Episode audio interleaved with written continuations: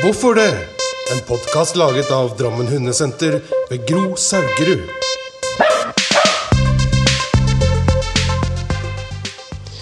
Det har vært eh, en stund siden vi lagde en ny podkast, og egentlig har det vært litt påvente av eh, dagens gjest. Som er Jonas fra Bergen. Jonas fra Bergen. Jonas, du har vært her mange, egentlig mange år. Øhm, og holdt et kurs i husbandry, og der, der det temaet skal være Hvem er Jonas fra Bergen? Ja, Jonas er jo ikke fra Bergen. Han er ikke Han bor det. i Bergen, Ja. men uh, oppvokst i Finnmark. Og bosatt i Bergen i ja, 2014. Først en tur innom i ja, om det var i 11 eller 12 som praktikant på Fjellanger. Og så tilbake i 2014 etter en liten periode i Bosnia. Mm. Hva gjorde du i Bosnia? Der, eh, der var det jo trening av uh, søkshunder for både minerydding og, og andre, andre formål, da. Både patruljehunder til Forsvaret og ja, litt forskjellig, da. Mm. Så det var, det var, det var mye hund. Ja. Når du kom til Fjellanger hundesenter i Bergen, Mm. hva gjorde du der? Uh, tenker jeg etter Bosnia, da, eller? Ja, hva var liksom din historie, jeg begynte egentlig? jo med hund i Forsvaret, da. Mhm. Førstegangstjenesten. Før det så kunne jeg ingenting om hund. Um, hadde Jeg bruker å si jeg var tidlig ute med tjenestehund, da. Mm. Fordi uh, bestemoren min hadde en schæfer. Og hver gang vi var på den øya der, uh, der de bodde, da, så brukte jeg å ta med meg den schæferen da, ut og lete etter lemen. Så da, schæferen han fant jo de her lemmene da, begynte å grave de de lå inne i hullene sine. Og da jeg hørte lyd fra lemmene, så var jo jeg inne og henta det ut. Ja. Så det var liksom teamwork, da. Så kunne jeg kose med lemmene, og hun kunne finne de. ja. Det var en tidlig start på søksund. Veldig tidlig start på Søksund. Eh, det, da var jeg rundt 19 år. Nei, Neida, da var jeg så, så, Men før det så kunne jeg altså jeg kunne ingenting om hund for Forsvaret. Mm. Starta i førstegangstjenesten. Eh, var i Luftforsvaret og hadde bestemt meg for at jeg ville ha en tjeneste som var litt ute i skog og mark. Mm. Uh, og da var, det, da var det hundetjenesten som hadde mest, eh, mest uh, dager i felt, da. Mm. Så da ble det det. Um, og så uh, balla det egentlig bare på seg etter det. Var praktikant på Fjellanger etter, etter førstegangstjenesten. Reiste til Bosnia, var der i litt over et år. Så kom jeg tilbake til Fjellanger, da. Eh, eller til, Ber til Bergen og jobba akvariet i to år. Som assisterende hovedtrener for sel og sjøløve. Mm. Og det er jo litt der da, den her inspirasjonen for det kurskonseptet Husbandry kommer fra. Ja, for det var egentlig dit jeg ville Mm. ta deg nå, men du er jo en hundemann. Eh, det er jo det du er. Ja. Men eh, så er det jo akkurat det med Akvariet Bergen som, som eh, inspirerte kanskje mest da, til Absolutt. å trekke husbandry-konseptet inn i hundeverden. Mm. Og da må vi jo nesten kanskje avklare nå, etter tre og et halvt minutt inn i sendinga, Mm. hva er husbandry? Det er det, det er det mest vanlige spørsmålet jeg får når jeg sier Ja. ja, kurs i husbandry, det burde du gå på. Og da sier de hva da? Hus, husband hva da? Og så hva er det? Ja, ja. Det er jo et, et ord som ikke er så veldig kjent. Eh, fortsatt eh, det, er jo det er jo nå fire år siden da vi begynte det her eh, kurskonseptet. Vi hadde jo første kurset her i, i Drammen i 2017. Eh, og jeg må jo si at det har jo vært en, uh, en mye større jobb å få spredd det begrepet enn det jeg hadde sett for meg at det skulle være. da. Mm. Men husbandry er veldig kjent uh, når det kommer til zoo og trening av eksotiske dyr. Det er, altså det, det, direkte oversatt så betyr det egentlig bare husdyrhold. Mm. Men, men i, i sammenheng med trening så går det jo egentlig ut på å lære dyr eh, atferder som gjør eh, håndtering og daglig stell og eventuelt medisinering og behandling av sår og skader og alt sånt eh, frivillig og stressfritt. da. Mm. Og så starta det for din del i Akvariet Bergen med sjøløvene. Men dette her er jo noe man gjør i de aller fleste Jeg skal ikke si seriøse parker, men i hvert fall moderne dyreparker. Så, Ja, så, så gjør man jo her for forflytninger, for medisinsk Ja. behandling og sånne ting. Eh, fordi at dere kan jo ikke bare holde fast en sjøløve. Nei, det, det, det er litt vanskelig. Ja. Uh, og når du har et dyr som, som lever i et helt annet element enn en deg, uh, så er det ikke så Så er det en del begrensninger på hva man kan gjøre. Jo ikke Men, men hva trenger du å gjøre, da? Bare for at man skal tenke skal, Hvorfor skal man holde fast en sjøløve i utgangspunktet? Altså, hvorfor sier jeg det? Du kan ikke holde fast en sjøløve, sier jeg nå. Sier, tenker folk hvorfor skal man i all verden holde fast en sjøløve? Men det er jo noe dere skal gjøre. Ja, altså, for å kunne forsvare og kunne ha dyr i fangenskap, så må man kunne ta vare på dem på en skikkelig måte. Eh, og når det kommer til å ta vare på dem, så, så er jo et daglig sjekk å kunne passe på at de har det, at de er friske og raske, og at hvis de, hvis de har vært uh, uheldige, og det skjer jo om de er, verken, om de er i, i det frie eller i fangenskap, hvis de får seg en skade, så har du gjerne lyst til å passe på at det, at det, at det går bra spesielt når de da er i, fangenskap, så må man kunne, kunne gjøre det på en skikkelig måte. Og da er det ikke velferdsmessig forsvarlig å tvinge dem gjennom sånne rutiner. Det vil jo ikke gjøre velferden bedre, men heller tvert imot verre. Sånn at for at de skal kunne eh, ha minst mulig stress i hverdagen sin, så, så, jo, så bygger jo all håndtering på at de er frivillig med på det. Hva trenger dere gjøre da, med en, eh, med en sånn type dyr? Vi hadde en som måtte ha, eh, ha øyedråper jevnlig. Så, så det var Det var begynt å få sånn grå stær, da.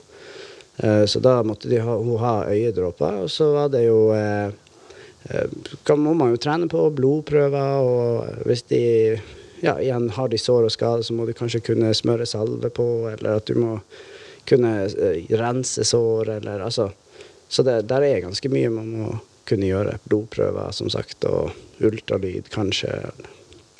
Så det er egentlig det er, det er egentlig ganske mange greier de må lære seg. Sjekke tenner, sjekke munn hver dag.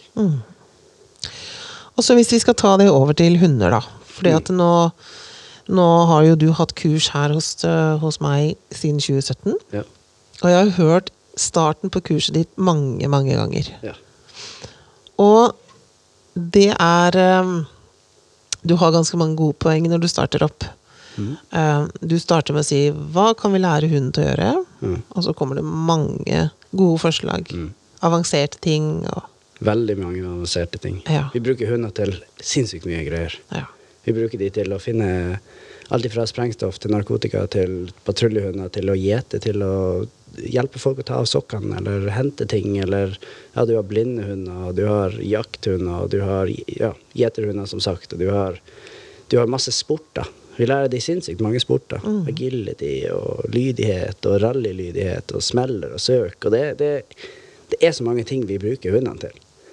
Uh, hunder som legger seg under hodet til folk som har epilepsianfall, f.eks. For, eksempel, for å passe på at de ikke dunker hodet sitt. Diabeteshunder. Uh, du har hunder som brukes i forskning, sånn som du ser korona, de som har påvist korona, og de som Jeg har jo vært involvert i to forskningsprosjekter sjøl. En som går på å bruke hunder for å finne rust på olje- og gassledninger for olje- og gassindustrien. Og hunder som kan finne lungekreft. Jeg skal stoppe deg litt der, for nå skal du snart få komme til det poenget som jeg liker veldig godt. Men jeg har likevel lyst til Fordi at jeg tenker De som hører 'hæ? Leite etter rust'? Så har jeg lyst til at du For det er jo ganske fantastisk, egentlig. Ja, kan du ikke fortelle litt om det? Det var jo et eh, forskningsprosjekt som, eh, som eh, gikk på, på Fjellanger.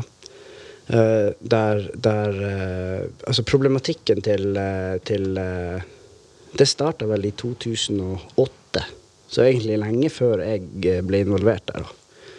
Men, men det er jo en problematikk som er ganske stor for olje- og gassindustrien, og det er jo rust på eh, olje- og gassrørene deres. For et olje- og gassrør det består av et indre, indre rør, og så har du isolasjon på utsida, og så har du en beskyttelsesmantling på utsida av isolasjon.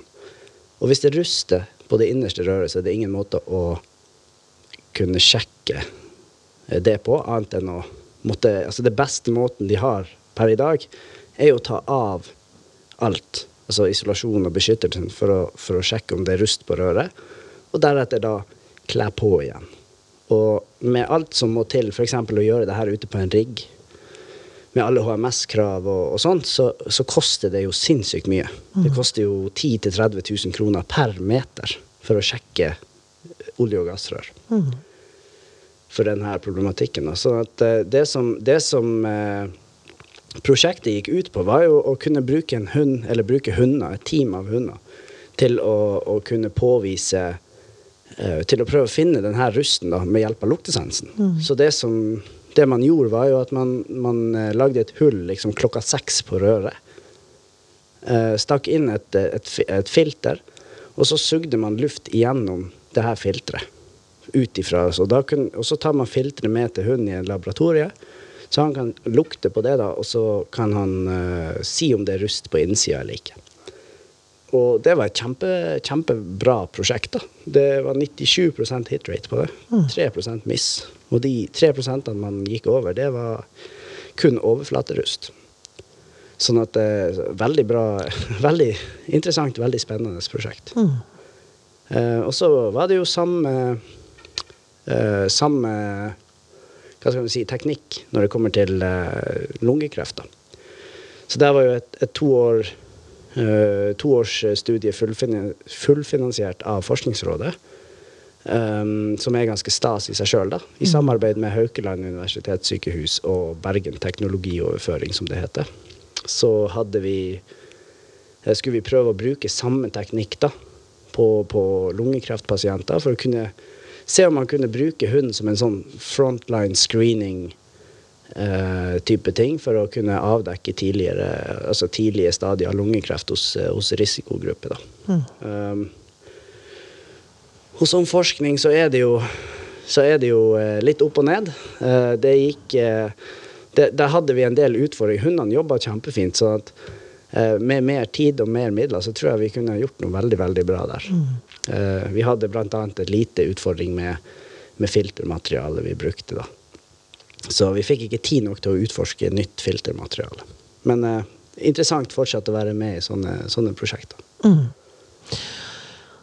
Når man tenker på at hunder kan lære så vidt avanserte ting Kan bruke de til å Og, og, og, og der, det er et studie i, uh, i uh, Nederland, tror jeg, som går på prostatakreft.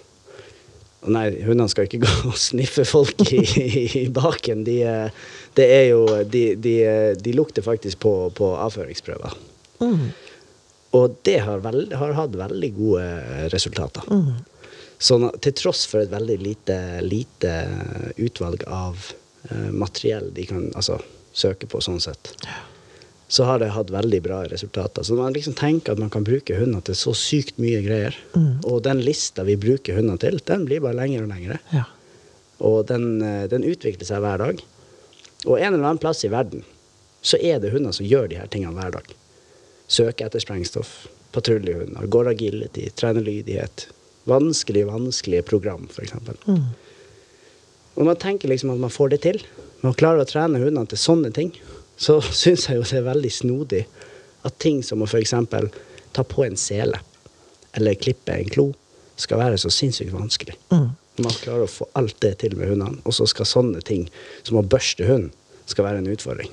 Og det er det jeg liker så godt med starten på, på kurset. Det er at det, er jo akkurat det vi snakka om nå. Alle de avanserte tingene. Og så kommer disse dagligdagse ta på potesokker, ta på seler, eh, børste, klippe. Alt som egentlig er både helt normalt med tanke på hundens taktile signaler. Så det er ikke noe unormalt for hunden å bli håndtert og tatt Nei. på. Nei. Um, men så er spørsmålet hvorfor er det her så vanskelig? Ja, men, men det er jo det, Jeg bruker å si som jeg sier på kurs, da. Skal vi ha sk Hadde jeg sagt til deltakerne på kurset vi hadde i dag, f.eks. At eh, nei, vi lurte, jeg lurte dere. I dag skal vi egentlig trene en eksplosiv hund. Um, og da da tror jeg de færreste hadde sagt ja, ok, ja, men tut og kjør, vi ser hvor det går. Sett i gang, og så satser vi på det beste. Det, men hadde jeg satt, sagt kan noen ta denne selen på den hunden her, så hadde det jo vært sånn. Da, da, da begynner vi, og så ser vi hvor det går. Og, og det er bare for å illustrere poenget. At man tar veldig sånne ting for gitt. Tenker det er sånne ting som egentlig bare skal funke. Men det er jo ingenting naturlig for en hund egentlig å ha på en sele. Det er noe de fleste blir vant med. Men det er mange som også ikke blir vant til det. Sånn at, at eh, det, det, er, det, det er naturlig for oss å ha på de halsbånd og sele. Men du ser jo med en gang du setter sele på en valp, så klør de seg og klør de seg og klør de seg. Så det er jo egentlig ingenting Det er ikke noe de fra starten av eh, bare er 100 sikker på at det kommer til å funke. Nå sier jeg ikke at man skal trene så sykt mye, legge ned flere uker trening bare for å få selen på valpen, men, men, eh, men det er jo det, det er for å illustrere poenget. Men det jeg tenker i forhold til den type håndteringsprogram da, som det du har satt et eh, system på og Bare så det er sagt, så er det jo mange typer sånne treninger med fryktfri håndtering av hund. Men, men eh, ditt konsept kom ganske tidlig på banen inn i hundeverden. Og så, eh, når noe blir kjent, eller noen begynner å dytte litt grann i, i ja, dytt, skal jeg si, dytte på det vante, så kommer det gjerne flere ting i samme Ja. bølge. Ja. Og det er jo kjempebra. Så um, jeg har jo jobba som uh, hundefrisør i 20 år, for mange år siden. Eh, og, og jeg er jo også en uh, belønningsbasert hundetrener, og, og jeg må si at det står i veldig stor kontrast til hverandre. Å få en hund på bordet eh, og trene belønningsbasert. Ja. For denne hunden på, på bordet, den, den hadde jo ingen eh, Den var jo livredd, egentlig. De, ikke alle, men veldig, veldig mange. Ja. Og, og nå så jeg bare i eh, full fart på Fra bølle til bestevenn, som har begynt å gå igjen. Og da så jeg at noen hunder skulle opp og undersøkes av veterinær. Ok. Jeg har ikke, jeg har ikke sett, jeg har fått med meg at det kom til en ny, ny sesong. Jeg, jeg tror faktisk ikke jeg har sett første sesongen. Nei, det må, du, det må du gjøre. Vi må følge med våre kollegaer ute. Ja, ja. Men, men eh, eh, Og det er jo kjempebra at alle hunder skal helsesjekkes i forhold til sine atferdsproblemer. Ja. Men da var jo Ja, jeg så kjapt, men jeg får si samtlige hunder var ganske engstelige, redde for å gå opp på bord, bli tatt på og alt det her. Mm. For meg er det jo ekstremt viktig at håndteringstrening er- står på agendaen. Og- vi har hatt i mange mange år på kursene våre at man skal kunne håndtere en valp og ta i hundene. Mm. Men når du kom med det konseptet her, så falt jeg jo pladask for det. Fordi at det, det, ble, det ble ikke så tilfeldig Nei. trening, det ble et, et system.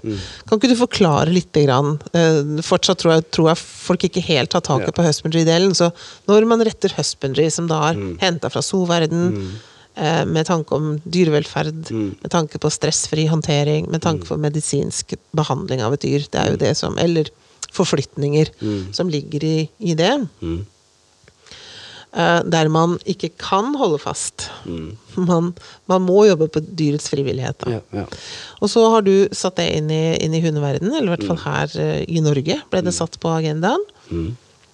Og så hvis man da Hvordan ser det ut, en sånn type husbandry-trening av en hund? Hvordan, Ja, hvordan kjenner man igjen det? Det er jo altså, er, altså Jeg er veldig fan av egentlig all fryktfri, altså som går på frivillighet. Basert på frivillighet. Men det systemet som det liksom går igjen i det her kurset, er jo at du, du etablerer en rutine. Hvis vi skal ta for oss kloklipp, f.eks., så starter vi jo med en, en grunnatferd. Altså en grunnmur vi kan bygge videre på. Og den grunnmuren det er f.eks. en potetarget. Altså at hun skal sitte med labben i hånda di og kunne hvile den der i noen sekunder. Det er en veldig fint utgangspunkt til å videreutvikle mer og mer håndtering av labben til slutt og ende opp i en kloklipp. Så det er liksom det første man begynner med. En grunnatferd man kan jobbe videre med. Eh, og så begynner man jo å jobbe mer og mer, og gradvis mer og mer eh, forstyrrelser rundt det her. At hun skal fortsatt kunne gjøre den atferden, men med at du forstyrrer han litt. Og da mener jeg forstyrre ikke ting som man syns er skummelt. Altså Du kanskje ikke begynner å ta på labben med en gang, men du kanskje kan begynne å ta han på skuldra, noe som de fleste hunder syns er greit. Så, han, så, så da kan du se for deg at liksom hun sitter fremfor deg med labben i hånda di, og så bare tar du han på skuldra, og så får han belønning for det. Med den andre armen, så klart. Du må huske på at du har to stykk. Ja. Man kan trenge tre. ja, du kan trenge tre. Den som kan selge en tredje arm, den blir rik. ja, vi har det på bakrommet. Ja, å ja. De er dyre. Ja, det tror jeg på.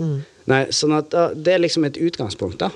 Og på et eller annet tidspunkt, når vi skal begynne å nærme oss mer og mer den labben, og mer og mer kloklippen, f.eks., og, og da begynner vi også å touche inn på litt, litt punkt der hun syns er litt skummelt. At det går ifra å være forstyrrende til å bli litt skummelt. Og det som, det som er litt eh, Altså det som er clouet da i, i, den her, i det her systemet, er jo at da etablerer du et startsignal. Du etablerer en, en måte hun kan fortelle deg på at nå er han klar til å være med på det her. Så at du spiller egentlig ballen over til hun og sier er du, skal vi ta litt kloklipp? Og så sier jo da hun viser ved, gjennom en atferd du har trent inn, at han er klar. Når han viser den atferden, så, så kan du gå videre med rutinen din. Og da kan du også begynne å touche litt inn på de tingene han syns er skummelt. For da har han kontroll over når du skal starte, og så kan han når som helst stoppe. Så basically det som er her, er jo at du gir hun kontroll. Hun sier når, du er, når han har lyst til å starte, og hun sier når han har lyst til å stoppe. Og det, det høres kanskje litt rart ut for mange. At eh, OK, så hvis min hund skal fortelle meg når vi er klar for kloklipp, så blir ikke det før eh, 2033. Sånn at eh, da, eh, da eh, Men det er ikke nødvendigvis så, så far-fetched at hun kan, kan fortelle det. For det i kloklipp så er ikke det nødvendigvis kloklippen i seg sjøl som er problemet. Som du, du skrev jo et, et blogginnlegg som heter som heter 'Hunder som er redd for å klippe klør, er ikke redd for Nei, hunder som er redd for kloklipp, er ikke redd for å klippe klør. Nei, fengende kort og konsis tittel. Det er helt presist. det er presist. Det er nøyaktig det det er. Ja. Hunder som er redd for kloklipp, hvis vi snakker om kloklipp som en rutine, er ikke redd for å klippe klør. Nei. Spør hvilken som helst veterinær hvis du ikke klipper for langt og klipper feil, så er det ikke vondt å klippe en klo. Og det forteller jo meg i hvert fall at problemet i denne kloklippen, det må ligge en helt annen plass enn i nødvendigvis å klippe den kloa. Og det viser seg jo da, gang på gang, etter å ha hatt eh, ganske mange folk innom på kurs, ganske mange hunder innom på kurs. Jeg vet ikke hvor mange kurs vi har kjørt her. Nei, jeg vet, hva, jeg vet ikke, men det er, en, ja, det er ganske mange, Ja, eh, ja. faktisk. Fra 2017 til nå så er det mange. Mm. Og pluss online-kurs og andre rundt omkring, så, så kan man godt si at man kanskje har hatt oppi en eh, ja, nå vet jeg ikke, fem, en plass mellom 500 og 700 hunder på kurs. da. Og når man ser at, at uh, at så mange responderer så bra når de får velge, når de får ha kontroll, da har du egentlig fjerna så mye av ubehaget. Spesielt i en kloklipp. Um, kul historie om en sjøløve som hadde en kreftsvulst i halsen. Som skulle operere ut denne kreftsvulsten. Og med sjøpattedyr så kan jo ikke du legge de i narkose, eller det er veldig veldig stor risiko å legge de i narkose. Så de fleste tingene som man må gjøre med de da, det, det gjøres jo bevisst, og eventuelt med lokal bedøvelse. Denne sjøløva, det var ikke på akvariet, men jeg har fått høre historien fra en bekjent. Denne sjøløva, den sto da altså 58 minutter på en target. Vi kan jo si litt etterpå kanskje hva en target er. Så. Men den sto altså 58 minutter med snuten på en sånn her eh, target stick uten å få en eneste fisk. Mens Altså belønning. ja, uten å få en eneste belønning. godbit. Mens denne veterinæren da opererte ut kreftsvulsten. Og det er ganske kult. Men det som var enda kulere, var jo at veterinæren hadde lyst til å gjøre det her på et bakrom der, der sjøløva ikke kunne stikke av. Mens treneren sa at vi gjør det ved vannkanten, eller så gjør vi det ikke i det hele tatt. Og det resulterte jo i at det gikk bra. At sjøløva kunne sitte en halv meter fra vannkanten og egentlig kunne hoppe uti når som helst. Det gjorde at den faktisk følte seg tryggere. Så bruker, noen ganger må man bare slippe opp litt på kontrollen for å få mer, mer kontroll. Da. Og det viser seg jo at det funker på hund, det òg. Mm. Det, det er ingenting det, det er ingenting Det er ikke noe unorm, altså det er ikke noe eh, i veien for at det skal funke på hunder. Men tror du ikke det at det ligger litt um, liksom holdninger da, til uh, håndtering av hunder. Til at vi Jeg tenker jo at vi har tre sånne bobler som, som vi bygger en relasjon rundt. Eh, og det her er egentlig henta fra Ken Svartberg, bare sånn at vi ikke skal tro at vi finner på alt sjøl. Um, men han um, han sier at vi har en bestemmerrolle, at vi har en tillitsrolle og en samarbeidsrolle når vi bygger en relasjon. Ja. Og veldig mange, tror jeg, blåser litt luft i den ballongen som heter bestemmerrollen, når vi skal Ja, ja, ja. begynne å håndtere. Ja. Um, det er noe vi eh, mener at vi har krav på å gjøre. Vi holder bare fast Mm. fordi vi kan. De aller fleste valper er i hvert fall fysisk Mm. hva skal jeg si, små nok til at vi Absolutt. faktisk bare kan holde de fast. Og så er de fleste valper veldig lette. De legger seg egentlig altså de, de, de første, første månedene så gjør ikke de motstand så mye. Det, det er på Nei. en måte, De fleste valper finner seg i veldig mye. Ja. Og så bikker de åtte, ni, ti måneder. Og så begynner det å bli et problem, da.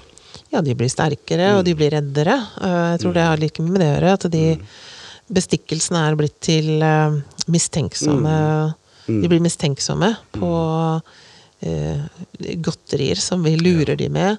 Vi later som ingenting. Det gjennomskuer jo ganske fort. Mm. Klotanga som gjemmes bak i baklomma. Vi gjør klar alt i dusjen, og Mm. så liksom kaster vi oss over huden. Vi, så, så vi gjør jo mange sånne ting, og vi, vi blir veldig gode på sånne strategier. Eh, og, og jeg tror at kanskje en av de tingene som vi ser er ganske problematiske rundt valper, som vi jobber mye med her på senteret, det er jo det her med at eh, man kan ikke ta, ta på hunden eh, på en helt normal måte uten at den blir redd. Mm. Redd er gjerne den bakenforliggende årsaken, eller i hvert fall Ja. følelsen da, til at de kaster seg unna, eller at Ja. de putter snuta på hånda eller, Ja. eller åpner munnen. De biter jo ikke i Nei, den forstand, men uh, de spreller, og de, Ja. de vil gjerne unna. Ja, og så og, og um, så, så min motivasjon er jo veldig stor for at, for at de skal kunne håndteres både med tanke på børsting og stell og klipping. Mm, At, mm. at, for dette at jeg tror at Jeg må jo være en av de som har traumatisert flest hunder. For de kommer på førstegangsklippen og har aldri hørt maskiner eller Nei, føner nei, eller noen ting. Nei. Og om de så har hørt i små doser, så står de tre-fire timer hos en Ja. frisør.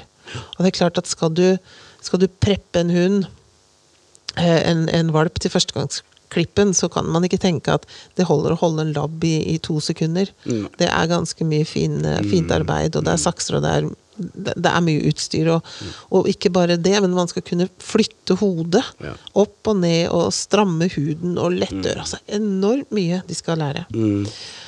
Uh, vi, sa, vi sa en ting om Target, at det må vi snakke litt om hva, hva det er for noe. Det er annet din hundeskole da, i Bergen som, som heter Target. Ja, meg og min, eh, min samboer. Ja, Så Vi- dere har tatt et bra navn på, på hundeskolen deres? Vi starta jo hundeskole for ja, det er ett år siden nå, i eh, september i fjor, som heter Target hundesenter. Ja. Så, eh, og det er jo av eh, to grunner. Det ene er jo fordi at Target betyr jo et mål, og vi har lyst til å hjelpe våre kunder til å nå det målet de måtte ha. Eh, og så er det jo selvfølgelig en atferd, da, som er mye brukt i håndtering. Mm. Mm. Du nevnte jo eh, denne Target-stikken som, som eh, sjøløven sto på. Ja. En type pinne med en, et endestykke som Ja. den skal berøre med Ja. sin snute, eller noe sånt. Se for deg en, eh, en, et kosteskaft med en, eh, en sånn her garnisoporring på, holdt jeg på å si. Eller sånn Nå var du veldig nordfra, eller? Veldig nord. Helsikens garnringer perte på. Nei. Det, ok, da. Se, se for deg en, et, et halvt kosteskaft med en tennisball på slutten. Ja, da. den er så, vi har du på her i byen. så har du en target-stick, da. Ja. Mm. Uh, og du har andre target også, i Ja. forhold til trening av dette konseptet her. Ja. ja, du har jo altså, En target er jo Kan du bare si at det er et eller annet hun skal utføre en handling imot eller uh, fokusere på, da. Kan vi si. De vanligste, da, i bruk på husbandry? Hva er de vanligste? En snutetarget. Altså at du kan ta frem en flat hånd, og så mm. dytter hunden snuten inn i hånda di, og der kan han gjerne stå. Eh, ja, så lenge du, Så lenge du trenger. Ja. Mm. Eller til den. For det er jo også et sånn Dette er jo med på Mm. rutinene. Vi skal gå dit etterpå, for du snart snakka i stad om startsignalene, at hun sa ja til noe, men den kan også si nei til noe. Den kan også si stopp. Ja. Så la oss ta targetene først. Eh, Snute i håndflate. Snute i håndflate. Og så har du en, en variant som heter chin rest. Eh, og det er, som ordet sier på engelsk, chin, som betyr hake, og rest, som betyr å hvile. Det betyr at han skal hvile haka på noe. Og det kan også være handa di. At du rett og slett i stedet for å holde ut en flat hånd eh, loddrett, så legger du flat hånd vannrett. Og så kan hunden komme og hvile hvile haka ned i handa der. Mm. Og der er det, det er også en fin atferd man kan bruke til å, til å eh, ja, bruke hos veterinæren, eller Ja. Og den kan også hvile på låret ditt. Absolutt. Den kan hvile Eller- på låret ditt, eller på en krakk, eller på Altså alt du den kan hvile haka på, kan du bruke. Eh, og det er jo Når du bruker hendene dine, så mister du en hånd. Bruker du en krakk, så har du fortsatt begge hender fri. Så da kan du liksom eh, parkere hunden på krakken med, med haka. Så kan du egentlig gjøre det du måtte gjøre med å ta øyedråper eller ørerens eller eh, ja, hva det måtte være. Mm. Og så var det pote. Potetarget. ja. Det, det er fancy ord for å gi labb, basically. Yeah. Yeah. Men, men det mange gjør når de gir labb, er at de hun gir labb, og så får de en godbit med en gang. Her er bare forskjellen egentlig at de skal sitte med labben i hånda i flere sekunder. Mm. Og så etter hvert håndterer vi de mer og mer også mens de gjør det. Tida går, Jonas. Vi prøver å holde det innafor rundt 30 minutter, så folk skal orke å høre på. Men jeg glemmer bort sjøl, for jeg syns jo det er Jeg syns jo det er spennende, selv om jeg, selv om jeg er en av heia, de som virkelig heier på at dette her skal, skal ligge som noe alle må eller burde eller ville lære hundene. Og det finnes jo ulike varianter av det her. Men men før vi avslutter, før vi liksom trykker på stoppknappen her nå, så må vi snakke om dette her med dette valget, da. At hun har nå sagt ja, Ja. til å starte rutinen. Men så er jo litt greia Du snakka om at sjøløven kunne avslutte ved å hoppe ut i vannet. Altså et åpenbart stoppsignal. Ja, det er ganske åpenbart. Ja. Men hundene våre kan jo også eh, si stopp. Og det, jeg syns det er der magien lig ligger. Og det, ja, og det er jeg helt enig i. fordi at det, det, det virker for meg, når de har fått erfaring på at de kan stoppe noen gang, så, så blir det bare mindre og mindre stoppsignaler. At de Å ja, ok, her kan vi gi oss. Da, altså, og det, det viser jo alle studier på mennesker som er gjort eh, Nå blir det jo veldig teknisk, men alle studier som er gjort på mennesker, på persepsjon av aversive hendelser, når de har kontroll eller informasjon eller ikke, det viser jo at de, de er villige til å stå i mer ubehag. De har en høyere toleranse for ubehag, og de har mindre stress i både forkant og etterkant av en hendelse, hvis de har fått informasjon som er korrekt, hvis de har hatt en mulighet til å påvirke graden av ubehag. Se for deg sjøl hos, hos tannlegen. Tannlegen Jeg, jeg trakk en noe, jeg noen visdomstenner, det er derfor jeg er bare sånn halvsmart nå. Jeg var jævla smart burde, før. ha, du burde hatt dem der. Nei, men, men, eh, men jeg trakk noe visdom, og da sa tannlegen til meg ga meg masse god informasjon. Og sa eh, nå kommer det et lite stikk, og det kommer jo et lite stikk. Og så sa han hvis du kjenner noe, så må du bare gi en beskjed, så skal du få mer bedøvelse. Da gir han meg kontroll over situasjonen, som gjør at jeg kan påvirke graden av ubehag jeg føler.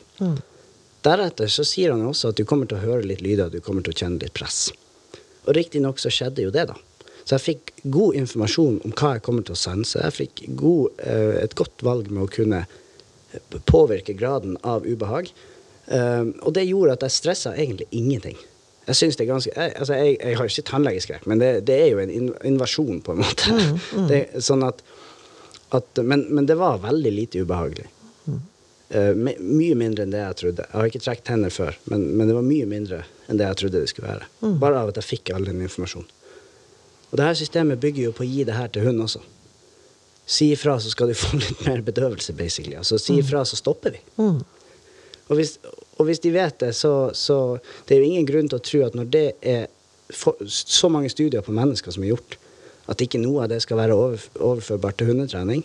Når så mye egentlig av læringsteori, eh, behaviorisme f.eks., som vises på både mennesker og sånt, at det også viser seg jo å være rett på, på hunder. Det er ingen grunn til å tro at ikke det skal være noe overføringsverdi der. Og det har vi jo sett på kurs, at det er det Ja, ja. definitivt.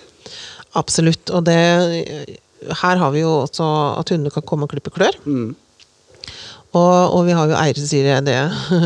Ja, vi, du må gjerne prøve, eller vi vil gjerne at du prøver, men ja. jeg vil bare si ifra at vi har ikke fått klippet de klørne på Ja.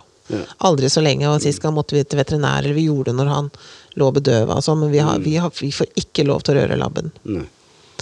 Um, og det tar ikke veldig lang tid før hunden forstår konseptet at 'jeg skal låne deg litt'. Ja, du får det tilbake. Ja, jeg skal bare låne deg litt. Og, og jeg gjør det her så menneskelig, eller hva skal jeg si, så enkelt jeg kan. Mm. Bare ved å spørre om kan jeg få låne labben, Mm. og takke for at jeg får lov. Nå hørtes dette her veldig sånn rart ut, men det handler litt om innstillinga. Det er egentlig det. Mm. Det er det, det. jeg skal ha den labben, Ja. og så står du stille, skal Ja. jeg klippe. Det fører til ganske mye stress. Ja. Men hvis jeg har en innstilling Man får jo tenke seg at jeg ikke spør hunden. På, på sett og vis så gjør jeg det. Til å si mm. ok, jeg skal låne labben. Mm. Eller kan jeg låne labben? Mm. Og så gir han meg tillatelse, sier jeg takk, og så slipper jeg labben ned. Og belønner. Og så, hvis hun gjør det minste motstand, drar til seg labben og sier oi, nå blir jeg mistenksom, så slipper jeg labben, sier det helt opp til deg. Det tar ikke lang tid Nei. før den slutter å gjøre det. Mm.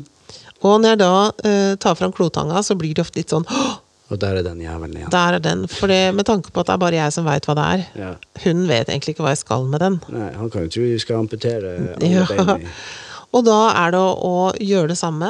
Dette her er det Den får snus på den. Altså, Mm. Hele det konseptet. Ofte tar det ikke mer enn noen få minutter, så har vi klippet i klørne. Ja.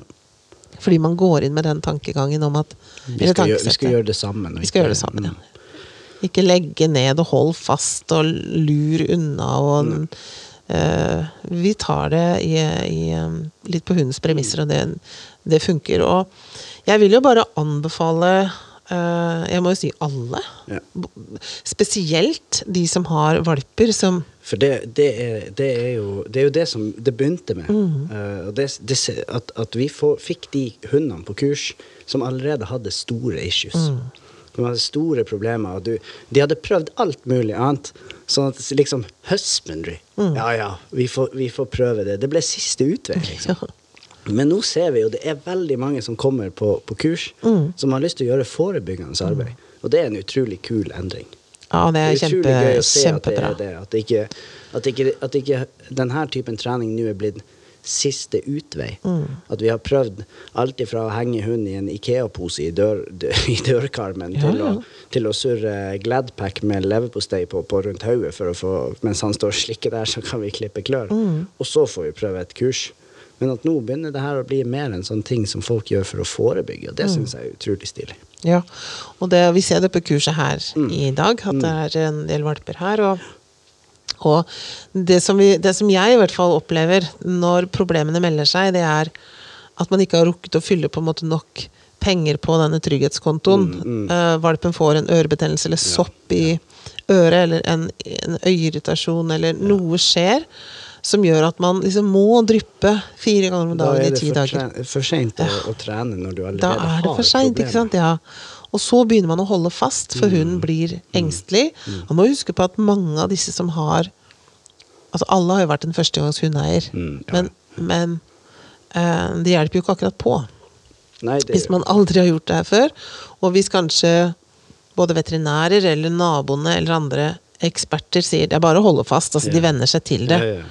Da er du i ferd med å grave en grav som er ganske djup. Ja. Og det er så vanskelig å fylle på den tillitskontoen igjen etterpå, fordi det det. Du, har mye, du har en oppoverbakke i stedet for å begynne på, Ja. Mm. på, på, på, flat mark, og så kan du, kan du eh, jobbe deg videre derfra. Så må du først opp av det hullet man er kommet ned i, før man kan begynne å, å, å rusle, Mm. Men det er ikke sikkert det er så lett å, la, å, å reparere det. Derfor er det mye bedre forebygge. å forebygge det. Absolutt. Ok, det Det, det er jo mange som spør også hvor gammel, hvor tidlig kan man begynne. Mm. Og det, det, er, det er ikke eh, Det som begrenser, er jo hvor lenge trener du av gangen. Mm. Det er jo det som er. Har du en hund som er gammel og, og på en måte vant til å trene litt, og sånt, så, så kan du jo dra, drøye treningsøktene dine lengre Mm. enn hvis du har en valp som er helt fersk og blir fortere mett og fortere trøtt. og fortere, For du bruker mye godbiter. sant? Så det er, aldri, det, er, det er ikke for tidlig å begynne. Man kan begynne tidlig. Man må bare begrense treningstida, da. Mm. Og så kan man jo jobbe mye om man ikke begynner med denne targeten. Mm.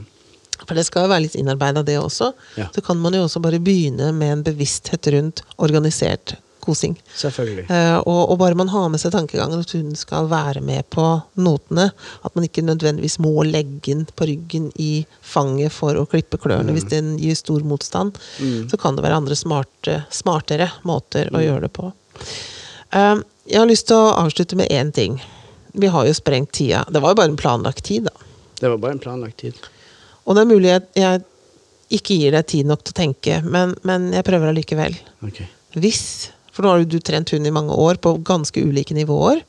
Du driver med sprengstoffhunder også nå, eller er innafor det vi tar, altså Hundesenteret vårt har samarbeid med, med Eksplosiv hund, Mm. uh, som eh, rydder sprengstoff etter tunnel og veibygging. ja. Så jeg må jo si at du har jo mye erfaring eh, med arbeidende hunder. Mm.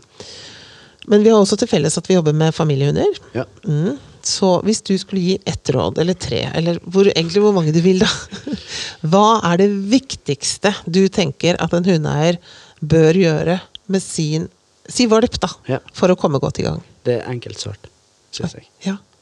For det, det er en ting vi bruker å si på valpekurs. Det er mye lettere å gjøre valpen smart nå, og så får vi gjøre han sprek seinere. For det er veldig mange som spør hvor langt kan vi gå på tur. Mm. Og valpen skal jo få lov å gå på tur, men det er mye viktigere å gå ut og trene. Kontakt, belønne, bygge relasjon. Og få valpen liksom mer til å forholde seg til deg, og ikke alt som foregår rundt. Uh, enn at han skal nødvendigvis gå i sin egen boble og bare snuse langs bakken tur etter tur etter tur. Så det er mye lettere og mye bedre å gjøre valpen smart når han er valp, og så får vi gjøre han sprek seinere, enn å gjøre han sprek nå, og så får, må man jobbe han smartere.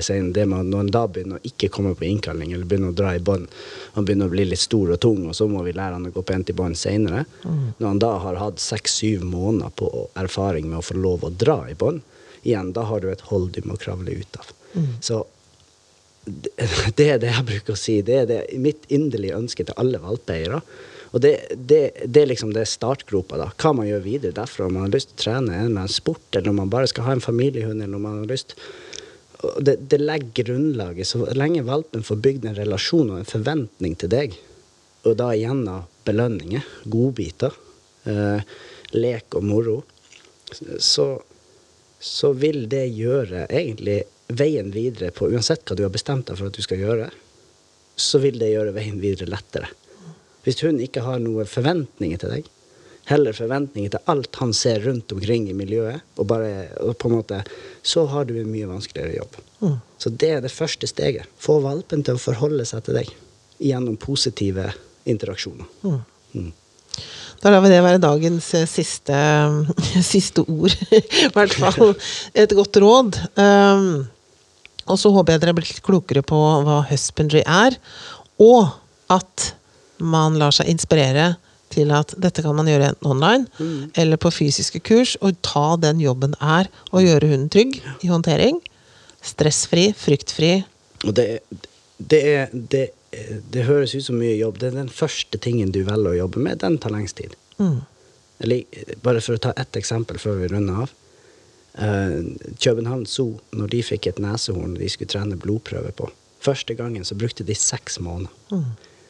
Og nå bruker de to uker på å lære et nytt nesehorn blodprøve. Mm.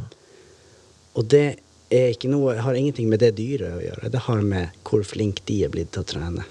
Og kan du se for deg hvor fort ting kan gå hvis både hund og eier blir flinke i lag? Da går ting fort. Sånn at det, det, ta den jobben, og så ser man det. altså Se på det som et triks. da. Det er et triks du kan bruke til noe. Mm. Så kan man jo sjekke ut nettsida og Facebook hvis man har lyst til å se litt mer. Husbandry.no. Mm. Husbandry. Hus, hu, husband, ry. Ja, hus, hus, husbandry.no. Kan dere bli kjent med det. Og så kommer det flere kurs med Jonas her i Drammen, men jeg regner med det er andre som hører på podkasten vår i andre steder i, i landet også, så jeg tenker at det skal alltid være et kurs nær deg. Ja. Tusen takk, Jonas. Veldig bra. Takk for det. Hvorfor det? En podkast laget av Drammen Hundesenter ved Gro Saugerud.